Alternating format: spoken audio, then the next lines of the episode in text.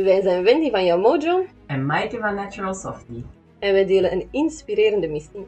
Vrouwen terug in hun volle kracht zetten, zodat ze beter voor zichzelf kunnen zorgen en een mooier leven voor zichzelf kunnen uitbouwen. Waarom nemen wij deze podcast op? Wij nemen deze podcast op omdat we voor het begin van 2024 staan. De moment waarin dat mensen vaak met goede moed aan goede voornemens beginnen. Maar onderzoek toont aan dat 80% van die goede voornemens uiteindelijk niet behaald worden. En dat willen Wendy en ik graag anders zien. Gedrag of gedachten veranderen, dat gebeurt niet door het een paar keer gewoon luidop te zeggen. Maar wel door te achterhalen van waar dat, gedrag in de eerste plaats eigenlijk komt. En dat willen wij graag toelichten tijdens de volgende vijf podcasts. Want wil jij tot duurzame verandering komen, dan is het belangrijk om de kern aan te pakken. En dat is waarom wij zo geloven in een holistische aanpak. Hoe? Dat gaat je ontdekken samen met ons tijdens deze en de volgende afleveringen. Wij zijn alvast super enthousiast en kijken er naar uit om dit met jullie te delen. Waarom mislukken eigenlijk de meeste goede voornemens? Voordat we in die uh, goede voornemens gaan duiken, wil ik jullie graag iets vertellen over de werking van ons brein.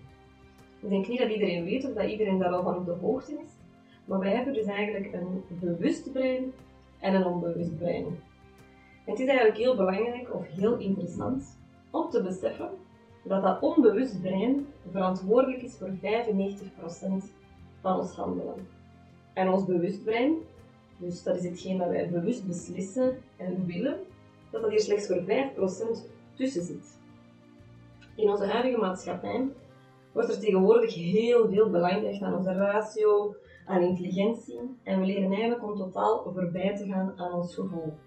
En we maken dus vooral gebruik van die 5% van het bewuste brein. Dus als jullie nu aan de slag gaan met die goede voornemens, puur vanuit die wil, dan vraagt dat eigenlijk een enorme wilskracht om dat te doen slagen. Want je werkt eigenlijk maar met die 5% van je brein. En werken enkel en alleen met dat stukje, dus enkel en alleen werken met dat bewuste brein, ja, dat is eigenlijk enkel gebruik maken van het tipje van de ijsberg. Je blijft aan de oppervlakte van de kwestie. Terwijl het er eigenlijk onderhuid nog zoveel speelt waar je geen ja, zicht op hebt of waar je niet bewust van bent. In de blog op onze website eh, gaan we hier nog een afbeelding van toevoegen om dat een beetje visueel te maken. En dan kun je daar ook iets bij voorstellen hoe dat een ijsberg eruit ziet. Als je dan weet dat de 95% van ons handelen door ons bewust brein wordt bepaald, dan denk ik niet dat het nog een verrassing is dat je eigenlijk, als je een bepaald gedrag, gevoel of patroon wil gaan veranderen, dat je dat dan doet met het juiste brein. En dat is het onbewuste brein. In dat brein zitten al je ingesleten patronen, je oude pijnen, bepaalde belemmerende overtuigingen, onverwerkte en onderdrukte emoties en nog zoveel meer. Dus die goede voornemens voor het nieuwe jaar, vaak gaat dat over slechte gewoontes of zelfs verslavingen waar je graag vanaf wilt. En in plaats van puur op wilskracht te gaan beslissen van ik stop ermee, ik ga dat niet meer doen, is het eigenlijk interessanter om jezelf de vraag te stellen van hoe kom ik aan die slechte gewoonte? Of wanneer speelt die gewoonte op? In welke situatie? Vaak gaat zo'n slechte gewoonte een verslaving gaat dat over iets niet willen voelen, een bepaalde afleiding zoeken, bevestiging buitenaf zoeken of zelfs een vreugde buitenaf zoeken. En het is eigenlijk veel nuttiger om jezelf die vragen te gaan stellen van, ja, hoe komt dat? dat ik zo reageer of dat ik verval in die slechte gewoontes, in de plaats van puur op wilskracht te gaan beslissen, ik rook bijvoorbeeld niet meer, ik ga daar gewoon mee stoppen. De slaagkans is ook gewoon op die manier heel, heel, heel erg laag als je dat puur vanuit die wilskracht wilt gaan realiseren. Toch zullen er ongetwijfeld al mensen zijn die daarin geslaagd zullen zijn om van een bepaalde slechte gewoonte af te komen met dat bewuste brein en die 5%. Maar jammer genoeg, in de realiteit krijg je daar dan vaak een andere slechte gewoonte voor in de plaats. Zo gaat men bijvoorbeeld van een rookverslaving naar een sportverslaving. En dan hoor ik jullie al denken van, oh, dat is toch veel beter, sporten is toch gezond en dat is toch goed. Ja, en sporten is goed, sporten is gezond, maar is en blijft wel een verslaving, een gewoonte, een weglopen van, een soort van afleiding. dus je gaat nog altijd niet naar dat onbewuste. Dan is de vraag natuurlijk, wat kun je wel gaan doen? Wel, met je onderbewuste, je gevoel aan de slag gaan. En eigenlijk op onderzoek gaan gaan, waar komt die slechte gewoonte of die verslaving vandaan? Je onderbewustzijn kan je helpen ontdekken waar dat vandaan komt. En eens dat je de oorsprong kent, of dat je weet waar die slechte gewoonte vandaan kan, dan kan je er ook pas effectief mee aan de slag. Want zolang dat je die emotie onder die slechte gewoonte of onder die verslaving niet blootlegt, komt er eigenlijk gewoon een andere slechte gewoonte in plaats. En vandaar dat alle goede voornemens al heel gauw als sneeuw voor de zon verdwijnen. Tegen 15 januari is er al heel vaak geen sprake meer van die goede voornemens. En als jij je afvraagt van hoe doe ik dat dan? Wel, mijn manier is via één op één nijsessies met behulp van mijn biotensor. Dat is eigenlijk een energetisch meetinstrument waarmee je contact kan maken met jouw onderbewustzijn. Door gerichte vragen te gaan stellen, gaan we eigenlijk samen op zoek naar de emotionele blokkades of patronen die daar onder die slechte gewoonte of die verslaving schuil gaan. We brengen die blokkade eigenlijk naar het bewustzijn, waarna we die ook kunnen loskoppelen. Dus dat is eigenlijk een super efficiënte, krachtige manier om met dat onderbewustzijn aan de slag te gaan en om die emotionele beladenheid van die verslaving, van die slechte gewoonte eraf te halen. Dat is eigenlijk een super belangrijke stap om af te komen van bepaalde gewoontes. Maar daarnaast is het creëren van een nieuwe goede gewoonte ook heel belangrijk. En uit ervaring weten we dat dat best uitdagend gaat zijn. Maaike neemt jullie hierover mee in het volgende stukje. Waarom is het zo belangrijk om dingen uit ons onderbewustzijn naar ons bewustzijn te brengen? Ieder van ons is belast met een kritisch stemmetje in ons hoofd dat we ook wel ego noemen. En dat ego dat is er eigenlijk op gebrand om ons vooral veilig te houden. Want biologisch gezien heeft ons brein ook maar twee taken. En dat is in eerste instantie ervoor zorgen dat wij overleven, zodat we nadien ook tot voortplanting kunnen komen en zodat de mensheid ook blijft bestaan. Maar om u veilig te houden, heeft uw brein doorheen het leven heel goed geobserveerd en opgeslagen welk gedrag helpend was in bepaalde situaties, om in de toekomst ook te weten van A, als ik in die gelijkaardige situatie terechtkom, dan kan ik zo en zo en zo handelen om ervoor te zorgen dat ik in leven blijf. Ons brein is er dan ook mee bezig om ons kosten wat het kost in die gekende situaties, ook wel de comfortzone genoemd, te houden, omdat die voorspelbaar zijn en die zijn gekend en die zijn dus veilig. Maar wilde jij net iets nieuws gaan uitproberen of wilde jij iets veranderen in je gedrag dat je al een tijdje stelt, wat dat bijvoorbeeld goede voornemens heel vaak zijn, dan kan het ook wel zijn dat je van in het begin al heel veel weerstand gaat ervaren in je eigen systeem. Want dan kan bijvoorbeeld ons ego echt komen met heel wat excuses of verhalen waarom iets niet kan. En als ik zelfs bijvoorbeeld een voorbeeld ga geven, dan zal je meteen wel zien dat dat voor velen een heel herkenbaar verhaal zal zijn. Want stel, je hebt al een tijdje niet meer gesport. Dat is iets wat er heel snel uit een agenda verdwijnt, wegens een te drukke agenda. Maar dit jaar heb je zoiets van, oké, 2024 ga ik terug beginnen sporten. Je neemt je dat zelf voor en dan je het jaar begint de, de dagen gaan voort zoals ze gaan. Je gaat naar je werk. Je werkt aan een hele dag, je komt thuis, je doet je huishouden, de avond valt.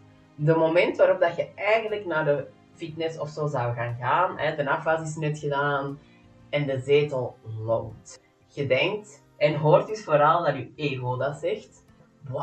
Een keertje is niet gaan, dat zou wel zo erg niet zijn. Ik heb vandaag al veel gewandeld op het werk. Ik heb beweging genoeg gehad, dus die excuses zijn allemaal verhalen van ons ego die ervoor gaan zorgen bijvoorbeeld dat wij ons nieuwe gedrag niet gaan voortzetten. Want wat doen we dan? Heel vaak luisteren we dan uiteindelijk naar ons hoofd en je kruipt toch in die zetel. En een uur later zijn we teleurgesteld omdat je denkt, ah, ik had eigenlijk echt moeten gaan. En ja, nu is het te laat, nu kan ik niet meer gaan. En het gevoel aan je binnenkant wordt vrij onaangenaam. En omdat we, zoals Wendy daar straks ook al zei, leven in een tijd van instant behoeftebevrediging, zijn we het ook niet meer gewend om echt te zitten met dat ongemakkelijk gevoel. Dus wat doen we? We willen dat gevoel wegwerken met een zak chips. Hop, die zak chips gaat open. We gaan ons eten om dat gevoel een beetje te verdoven. Er komen even gelukshormonen vrij omdat je iets in je mond steekt. Je wordt daar blij van. Maar hoe voel jij je de volgende dag? teleurgesteld, of je het gevoel dat je gefaald hebt, terwijl dat jij eigenlijk helemaal niet bewust gehandeld hebt, maar je bijna helemaal hebt laten leiden door je onderbewustzijn. En daarom is het super belangrijk om dat onderbewustzijn naar je bewustzijn te krijgen, om ook echt bewust te kunnen gaan kijken van welke automatische gedachten heb ik eigenlijk. En want als je weet dat ook naast dat kritisch stemmetje, dat er ook nog heel wat onbewuste overtuigingen onder uw gedrag kunnen schuilgaan. Zoals, ik ben helemaal niet sportief, wat ga ik nu eigenlijk zoeken in de fitness? Ga ik er echt raar uitzien in sportkleren? Mensen gaan met mij lachen, ik hoor niet in de fitness. En ga zo maar voort. Dat zijn allemaal onderliggende drijfveren die ervoor gaan zorgen dat je uiteindelijk dat gedrag toch niet gaat stellen.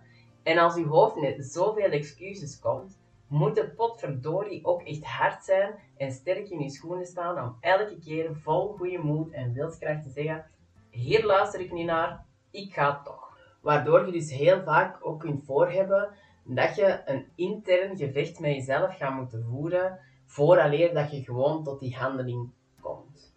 En als je dan weet dat om een nieuw gedrag aan te leren en daar een routine van te maken, dat het super belangrijk is om dat minstens, want onderzoek ehm, toont uiteenlopende zaken aan, maar minstens 21 dagen na elkaar hetzelfde gedrag te herhalen, zodat, je, zodat dat een gewoonte kan worden, dan wil dat ook zeggen dat telkens dat jij um, een dag overslaat om niet te gaan of in die routine een, een breuk maakt, wil dat ook zeggen dat telkens opnieuw, je opnieuw moet beginnen handelen om daar een routine van te maken. En als zelfzorgtherapeut ben ik echt ervan overtuigd dat het bewust maken van die onbewuste stukken dus echt een essentiële sleutel is om tot die duurzame verandering in gedrag en gedachten te komen.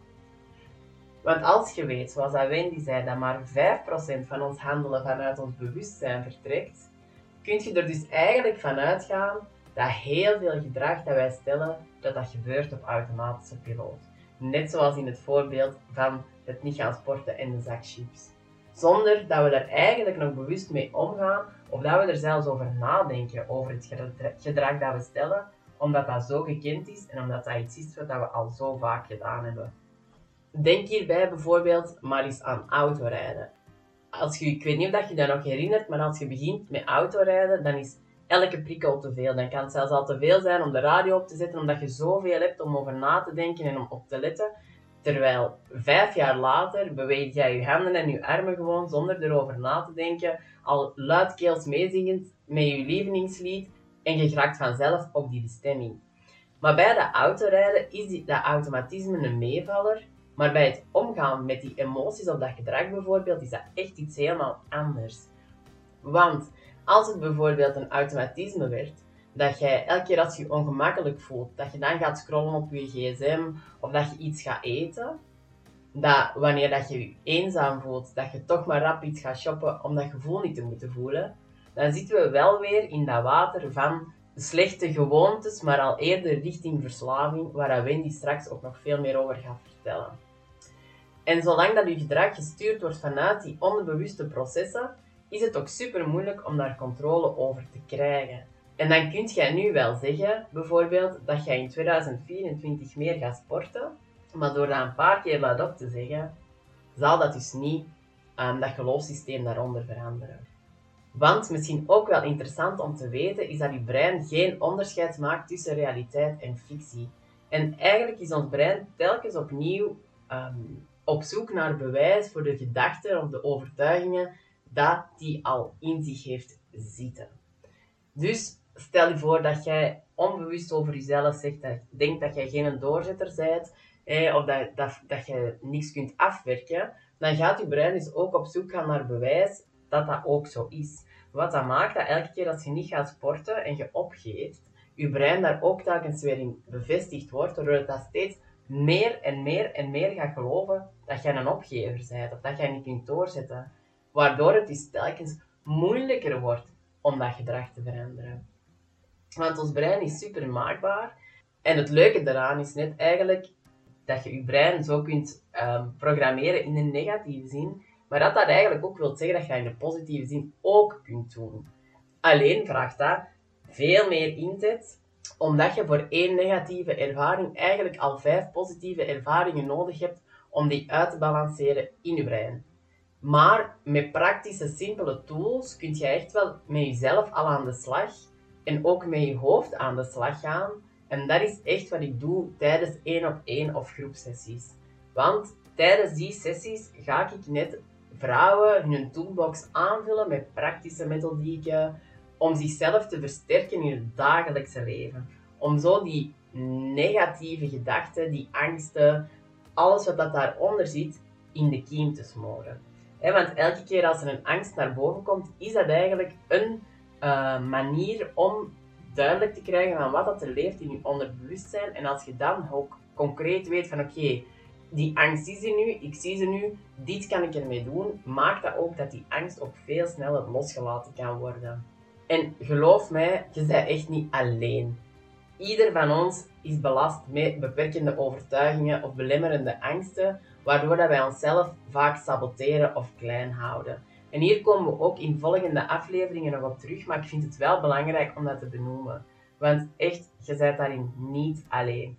Maar door, zoals ik er net al zei, door die angsten en zo bloot te leggen en onszelf te kunnen gaan begrijpen, kunnen we echt tot zelfreflectie komen.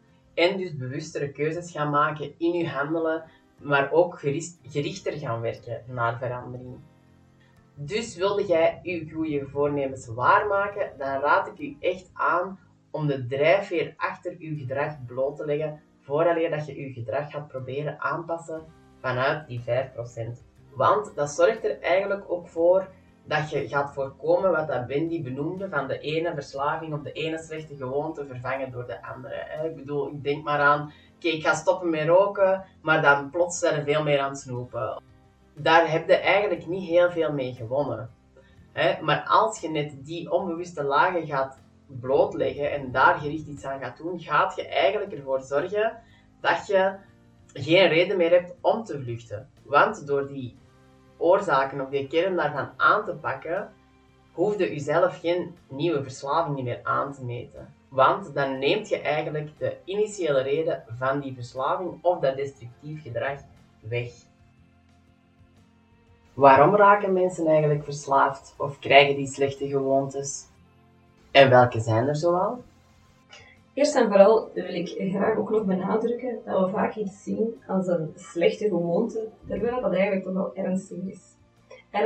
Ernstiger, dan dat wij zelf durven of willen toegeven. Ik ga dus in deze vraag eigenlijk vooral hebben over de verschillende soorten verslavingen, maar je kan het ook gaan zien als een slechte gewoonte. Een verslaving, dat is voor mij, of dat staat voor mij voor het uh, weglopen van jezelf. Je bent eigenlijk op zoek naar een soort van verdoving, voor iets dat je niet wil voelen, of je wilt juist afleiding van de dingen die je voelt op dat moment. Het is eigenlijk een soort van manier om jezelf te gaan wegduwen. Of, nog een ander voorbeeld is, je kan de vreugde in jezelf moeilijk vinden en je gaat daarvoor op zoek naar een vervangmiddel. Instante behoeftebevrediging, dat is eigenlijk tegenwoordig standaard. En eigenlijk zijn wij het niet meer gewoon en houden we er ook helemaal niet van om onaangename gevoelens te ervaren, waardoor dat we geneigd zijn om die heel snel weg te duwen. Terwijl die vervelende emoties er laten zijn, een pak minder energie vraagt en een pak minder vermoeiend is, dan telkens weer opnieuw die vervelende emotie of die lastige emotie weg te duwen. Dat is eigenlijk net zoals een bal onder water gaan houden. Dat vraagt eigenlijk heel veel kracht om die een bal onder water te houden. En elke keer komt die bal toch weer terug. Iedere keer weer harder naar boven. En zo gaat dat eigenlijk ook met bepaalde eh, emoties of patronen. hoe meer dat je die wegduwt, hoe harder dat die terug boven kunnen komen. Er zijn verschillende manieren eigenlijk om je emoties weg te duwen. Ik ga een paar voorbeelden geven. Bijvoorbeeld bij een eetverslaving zou je kunnen zeggen dat er een soort van leegte in jezelf opgevuld wilt worden. Alcohol en drugs die bieden dan weer een vlucht uit het huidige moment. Er zijn eigenlijk een heleboel verschillende verslavingen, maar ik ga beginnen met de meest gekende. Degene die we allemaal wel kennen, dat is bijvoorbeeld een gsm-verslaving, een eetverslaving, alcohol, sporten, een werkverslaving, roken, drugs, koffie, suiker en noem maar op. Dat zijn zo wat de meest gekende. Maar er zijn ook een paar andere vormen die wij niet meteen herkennen als verslaving. Zoals bijvoorbeeld verslaafd zijn aan graag gezien worden, verslaafd zijn aan erkenning, aan prestaties of zelfs aan een partner. Dat zijn vormen die we niet meteen zien als een verslaving, maar dat er toch ook wel eentje zijn. En dan is er nog een, een andere vorm van verslaving, en dat is verslaafd zijn aan bepaalde hormonen. Je kunt bijvoorbeeld verslaafd zijn aan adrenaline. Zo zijn er bijvoorbeeld mensen die constant op zoek gaan naar kicks om die adrenaline te blijven voelen.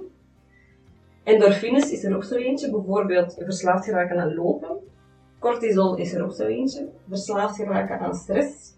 Eigenlijk gewoon niet meer kunnen ontspannen en constant die stressvolle situaties blijven opzoeken, omdat je lichaam er eigenlijk gewoon gewend aan is, aan die, aan die, die staat van stress of alertheid in je lichaam. Al deze voorbeelden zijn eigenlijk bedoeld om jullie een beetje een beeld te geven van de verschillende slechte gewoonten of verslavingen dat er zijn. Vooral ook die minder gekende, dat we eigenlijk niet zien als verslavingen, maar er toch wel, ja, eigenlijk gewoon wat een verslaving is. Nu je weet dat het onderbewustzijn veel meer van je bewuste gedrag bepaalt dan dat je misschien tot voor kort wist, dan lijkt het ook een logische stap om eerst die onbewuste drijfveren achter je oude gedrag te gaan achterhalen, om van daaruit meteen gericht te leren hoe je nu toch tot die duurzame verandering komt. Die verandering waar dat je zo naar uitkijkt en die dat je zo graag wilt bekomen. Zodat jij voor eens en voor altijd die goede voornemens gaat waarmaken. Hoe mooi zou het leven zijn als je daar staat. Als je kunt zeggen van, alright, ik heb dat gewoon gedaan. Hoe mooi zou dat zijn? Want dat verdient je ook. En daar willen Wendy en ik u heel graag in bijstaan. Dus voelde jij nu zo van, alright, ik ben er echt klaar voor. Ik heb het gehad met, die oude, met dat oude gedrag. Ik wil graag mijn waarnemers waarmaken en ik wil echt verandering aanbrengen in mijn leven. Laat ons je dan vertellen hoe. Dus voelt je een ja, luister dan zeker verder. Want tijdelijk bieden Wendy en ik nu een duo-sessie aan ter waarde van 197 euro. En daarvoor krijg je bij Wendy een nijsessie, waarbij zij met een biotensor op zoek gaat naar uw onbewuste patronen onder die slechte gewoonte waar je vanaf wilt en waarbij jullie die energetisch ook gaan loskoppelen. En daarna krijg je een sessie bij mij, waarbij je dus doelgericht gaat leren om aan de slag te gaan met die concrete en praktische handvaten om op een gezonde en duurzame manier echt komaf te maken met die slechte gewoonten in je dagdagelijkse realiteit. Zo betrekt je meteen je onderbewuste en je bewuste brein bij je groei en worden je slaagkansen aanzienlijk hoger. En ja, dit aanbod is er ook zeker voor de vrouw die nu denkt, dat heb ik toch allemaal niet nodig zeker, ik kan dat wel alleen. Wel, ik hoor u. Want ik ben u eigenlijk stiekem ook. En ik ken u zeer goed. Ik heb dat heel lang zelf ook gedaan. Maar ervaring heeft, nu, ehm, heeft mij nu eigenlijk geleerd dat groeien echt sneller gaat als je de hulp vraagt die je nodig hebt en doelgericht kunt gaan handelen in plaats van telkens weer opnieuw iets uit te proberen, met je neus tegen de muur te lopen en opnieuw te beginnen. Dus laat ons u helpen om ineens gericht aan de slag te gaan. Zo wint je echt veel tijd, zo bespaart je echt veel energie en ga je ineens aan de slag met de dingen die echt belangrijk zijn om die goede voornemens waar te maken. Super fijn dat jullie geluisterd hebben naar onze podcast. Als je je graag wilt inschrijven, vind je onder de podcast ook de link om uh, u in te schrijven. En dan zult je daar de verdere instructies wel krijgen. Wij kijken er in ieder geval naar uit om u terug te zien tijdens de volgende afleveringen. En vooral een heel fijn nieuwjaar en tot dan!